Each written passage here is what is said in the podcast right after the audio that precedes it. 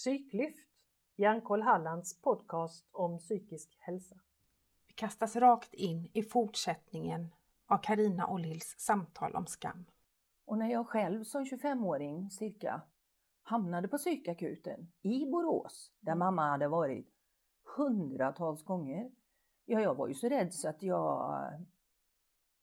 Det går inte ens beskriva i ord, den rädslan. Jag För jag tänkte det att nu är det kört för min del. Mm. Men det var ju inte det. Men då fick jag faktiskt en bra psykolog. Tack och lov att hon var bra Mm. som jag fick gå och prata med. Mm. Det var mitt första möte då med eh, en psykolog som, som lyssnade på mig Mm. och där jag fick prata. Eh, Då var det mest handlade om mamma då. Mm. Jag har ju en del bitar som sagt var att ta itu med, men då gjorde det det. Men sen är man är ju ung och envis skulle jag nog vilja påstå, kanske inte korkad men eh, envis. Att ja, ja, men då, då, nu, har vi det, nu har vi det här löst. Nu är detta gjort. Nu kan jag återgå liksom till mitt normala liv igen, Mm. inom citationstecken. Riktigt så enkelt är det ju inte. Nej, det är ju inte För man har ju många spöken. Absolut, och spöken är ju ett ord som jag brukar använda på just den känslan utav skam. För den, den, eh, den kommer krypande på, alltså det, det är sekunder. Och det, det, Hundradels sekunder Ja, ibland. och det kan vara, när, vi kan sitta i soffan och titta på ett tv-program och så, så är det någon som, som eh, dyker upp i rutan som, som jag plötsligt kan få för mig att jag, ja men min sambo som sitter bredvid mig han skulle säkert eh, mycket hellre träffa henne, prata med henne, byta ut mig mot henne för hon är säkert mer intressant och, och ser bättre ut och har snyggare kropp och hon är yngre. Och, alltså jag kan hitta så många saker och det kommer från ingenstans. Ja, och jag känner igen det där. Och det, det är så obehagligt sjukt. Och det, det hemska eller, eller fåniga är också att jag tror att jag kan dölja det. Ja, Men- just det. Men det kan, men det kan jag ju inte. Och det räcker ju med att, att han tittar på mig med en blick, så vad är det nu? Så här, det, är, det är precis som att det liksom drar in någonting Mm. över ansiktet på mig. Och jag blir allvarlig och stäng. Och då kommer den där, alltså då stänger jag. Mm. Då stänger jag mig för nej, det är ingen som vill ha mig, nu stänger jag in mig här. Och så, och så sätter jag mig i min håla. Jag, jag, jag agerar inte utåt, jag, jag börjar agera inåt på mig själv då. och Mm, tänker att jag är mm. kass, jag är värdelös, jag är, jag är absolut meningslös i tillvaron. Och, och så har jag ju tänkt ibland att det är bättre om jag inte finns. Mm. Så, så mycket skam har jag haft för den jag är. Mm. Däremot har jag ju haft ett kolossalt självförtroende. Just det. För jag vet att jag kan. Just det. Jag, jag tror jag skulle kunna göra allt jag bestämmer mig för. Vissa saker tar bara lite längre tid. Mm. Däremot så tror jag inte att jag är något. Jag är ingen. Jag är mer än oduglig då. Mm. Och den där kombinationen, det är många människor som förväxlar det. Och tänker att ja men du som är så, du, du verkar så säker och du som verkar så eh, ja, medveten och duktig och kompetent och allt vad det är för något. Men det är inte samma sak. Alltså det är som att sätta på sig en, en mask på teatern ungefär. Alltså där bakom är jag, jag är ingenting. En stor skillnad, precis som du säger. Det är en vitt skillnad mellan självförtroende och självkänsla. Mm. Alltså att prestera någonting. Mm. Eh, som i ditt fall, alltså du har gått din utbildning och du har haft ditt yrkesliv och har ditt yrkesliv och etc. etc. Det är ju en sak att bara veta att man är duktig på någonting. Men att känna sig oduglig för den man är, Mm. det är, något helt, det är ju dålig självkänsla. Mm. Och det är något helt annat och det går på djupet på ett helt annat sätt. Sen är det inte kul att känna dåligt självförtroende heller. Eh, För jag, alltså, har man varit borta ifrån yrkeslivet i 20 år, då blir man ganska liten. Mm. Och då, då, jag har ju även haft taskigt självförtroende med, för jag, jag tycker inte att jag har varit så bra på... Mm. Alltså jag har väldigt... Ja, medioker. Mm. Där jag har jobbat och har väl gjort ett hyfsat bra jobb och varit skötsam och allt det där och punktlig och allt det där liksom som man har fått lära sig som, som barn, uppfostran, sunt förnuft. Mm. Men jag har ju inte stuckit ut eller jag har inte gjort någon karriär eller det enda jag kan säga är att jag, jo, jag, jag är ju idrottsmassör då. Jag är bra på att massera. Det är Mm. i princip det jag kan säga. Mm. Men det är också en... Det är ju någonting man presterar. Men vad jämför du med då när du säger Nej, att du inte det. sticker ut? Jämför, jag jämför mig med precis allt. Ja. Och speciellt gärna de som är högutbildade eller har karriärer. Jag tänker inte på vad de har fått gå för långa vägar kanske, och yrkesval och, och etc. För jag jämför mig alltid med de som är mycket, jag hatar ordet duktig. Mm. Du fattar precis Jag vad jag för- menar med det. menar. Eh, Det är svårt att förklara men duktig finns inte egentligen. Nej. Alltså vi är alla människor Mm. som är bra på olika saker vid olika tillfällen i livet. Mm. Det var en klok väninna som sa detta till mig idag nämligen. Mm. Eh, men jag, jag på något vis lyckas jag alltid att jämföra mig, kanske inte nödvändigtvis med toppchefen men ja, inte långt därifrån. Mm. Och det är klart att jag har ju tryckt ner mig själv där också. Mm. Så på något vis, jag har ju kört på i mina jobb och så vidare och så har jag ju hamnat i utmattning då 51 gånger typ i mitt liv. För att jag har bara kört på för att jag inte vetat vad det har varit med den psykiska ohälsan. För jag har ju inte riktigt velat veta av den Nej. fast jag har kraschat så många gånger. Så ehm, Men det är väl konstigt att man väljer att jämföra sig med den som är bäst. mm, I- Och det är ju inte en människa utan man väljer att jämföra sig med den som är bäst i varje situation och sammanhang. absolut. Och, snyggast också. ja, absolut. och vackrast, det som man själv tycker är snyggt och vackert. Ja, liksom. och det handlar om allt ifrån karriär och jobb och tjäna mest pengar och ha finaste hus och, och vackraste barnen till kropp som du Mm. säger. Ögonfärg, Ja, långa fransar, korta fransar. Ben. Ja, precis. ja.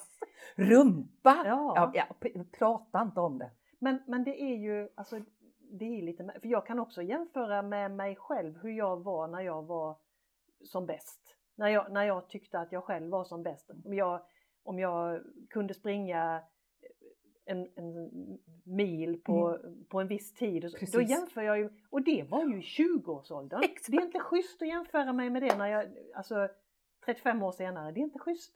Ändå gör jag det och så känner jag mig dålig Samma här! Ja, Det är också så här klockrent Ja. eftersom jag har börjat träna nu regelbundet sedan ett år tillbaks. bra. Eh, jag, jag var ju en joggare för jag har ju tränat jättemycket fram till och så fick jag cancer och så blev det väldigt konstigt och så fick jag dessutom sepsis efter, många, efter flera operationer och, och, och så, etc.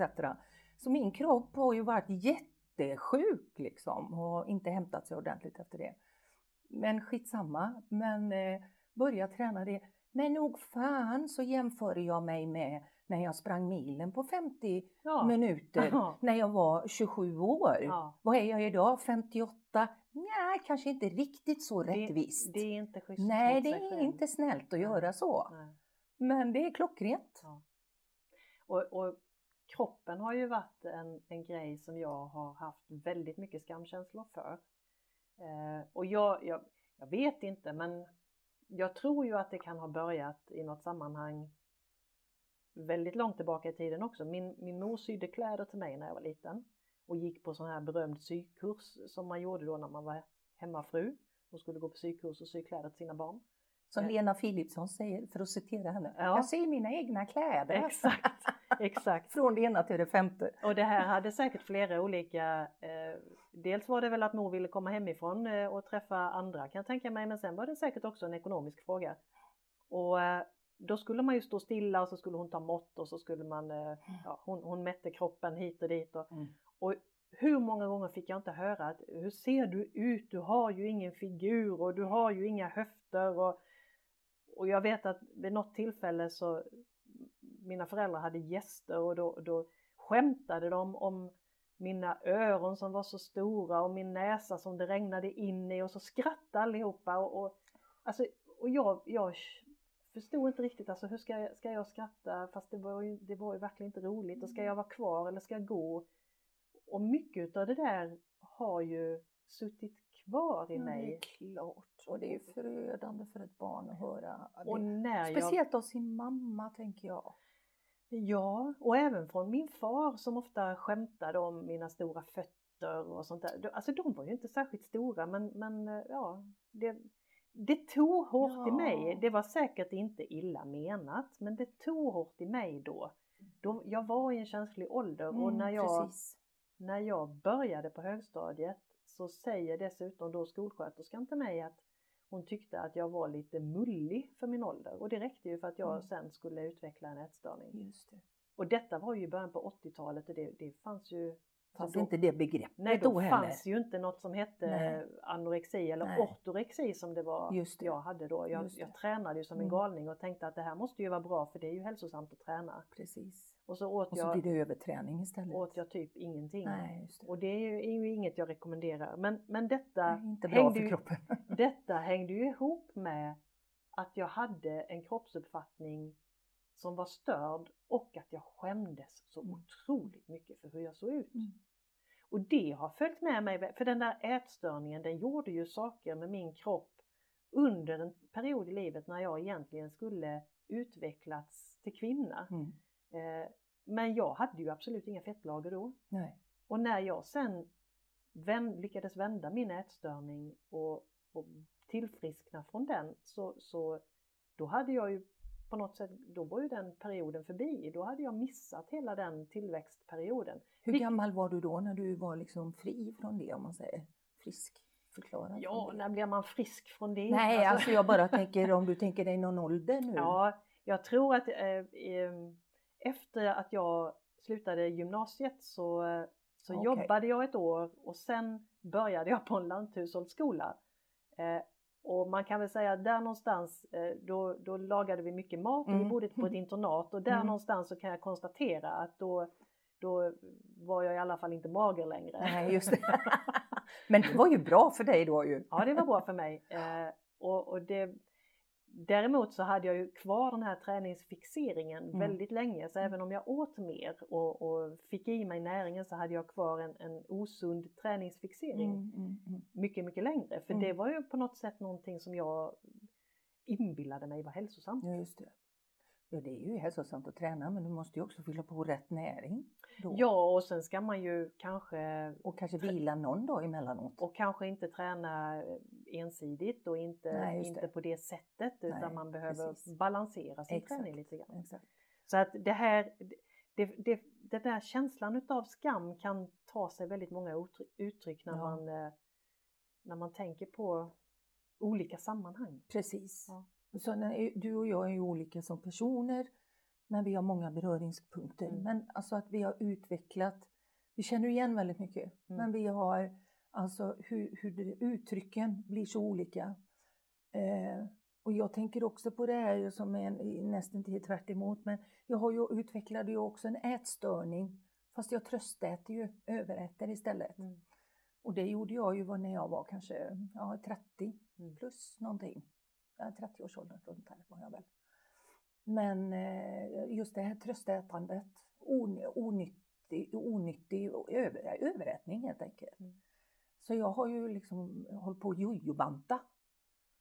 Har, det, har det någon relation till skam tänker du? Ja, jag, jag har kopplat det till det på senare år när jag har fått mina verktyg som vi ska komma till så småningom och vändpunkter och allt det där. Det är inte bara elände, nästintill, men nej, nej jag skojar. Eh, jag har kopplat det till det också för mitt, alltså mitt tänkande om min kropp. För jag tänker tillbaka på då när jag liksom började träna som eh, 20 plus åring och springa lite. Jag hittade liksom det här med löpning då, att det blev min grej. Och cyklade gjorde jag ganska mycket också då. Jag hade en sån racercykel som man hade på 80-talet med bockstyre och hela kittet. Ja, Jajamän. Mm. Cykla som 17. Eh, men det tyckte jag var kul att, springa och springa kan jag tack och lov göra ännu. Det är jag väldigt glad för. Mm. För det tycker jag om. Jag tycker om att jogga, även om det inte går så fort. Så gillar jag själva träningsutövningen. Men jag, jag satte det ju samman med att jag aldrig var nöjd med kroppen. För jag Mm. ser ju tillbaka på hur jag såg ut vi säger ja, runt 25-30 års ålder när jag sprang mycket och sådär. Mm. Hur smal jag var och vältränad och jag är ju hyfsat lång, jag är 1,73 och liksom jag, var, jag var ju slank på den tiden och vältränad. Och ändå kommer jag ihåg hur jag tänkte om mig själv då. Mm. För jag såg ju ändå den här stora rumpan och feta låren. Och, alltså jag, jag var ju aldrig nöjd med mig själv. Nej. Så att på något vis när jag hamnade i depression, Mm. när jag hamnade i mina depressioner så började jag tröstäta och så gav jag fan i allt. Jag släppte. Jag är Ja. ju allt eller inget Ja. liksom. Mm. Jag är ju svart eller vit. Mm. Jag är ju aldrig lagom. Det är ju hela min, min personlighet, Mm. på gott och på ont. Mm. Men eh, då, då tappar jag ju allt. Mm. Och så tröstäter jag. Eh, gärna sånt som man absolut helst inte ska äta. Godis och eh, chips och pasta och goda såser och ja. Mm.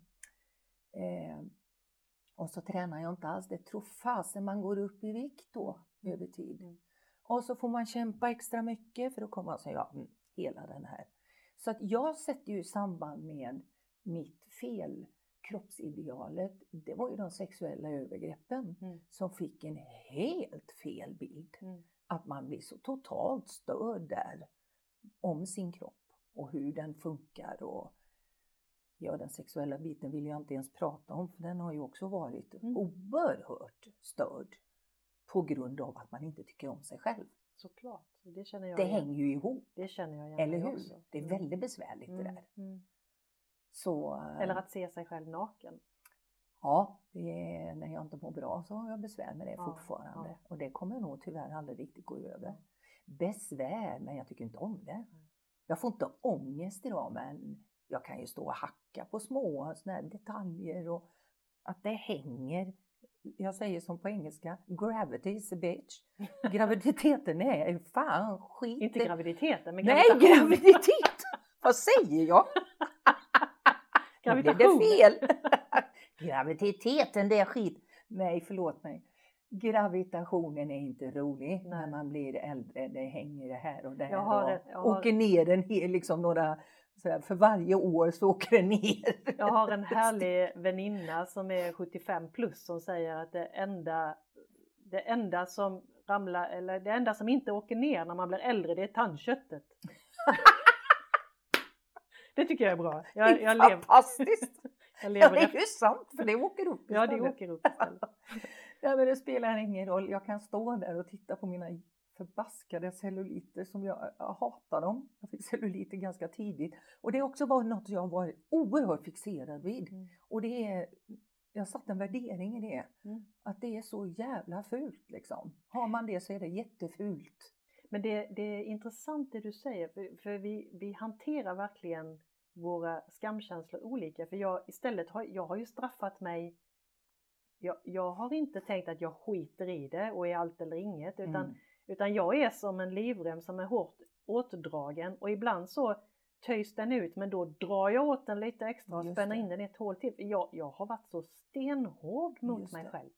Jag har verkligen inte tillåtit mig att, att eh, släppa på, på liksom, vad ska man säga, as, det asketiska utan jag har, Nej, jag har svultit mig och jag har straffat mig och jag, Mm. har, jag har varit hård Mm, mm, mm. mot mig själv. Och är det så att jag är missnöjd, ja då är det ju för att jag inte har skött mig så då måste jag sköta mig lite Mm. bättre.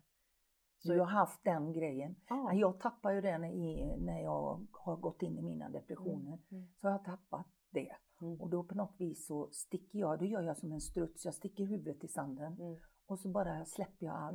Mm. Mm. För jag klarar inte. Då är det bara att andas Mm. och överleva som gäller. Liksom. Mm. Men det, ja, det, det är intressant, som sagt var. Fortsättning följer. Missa inte nästa avsnitt.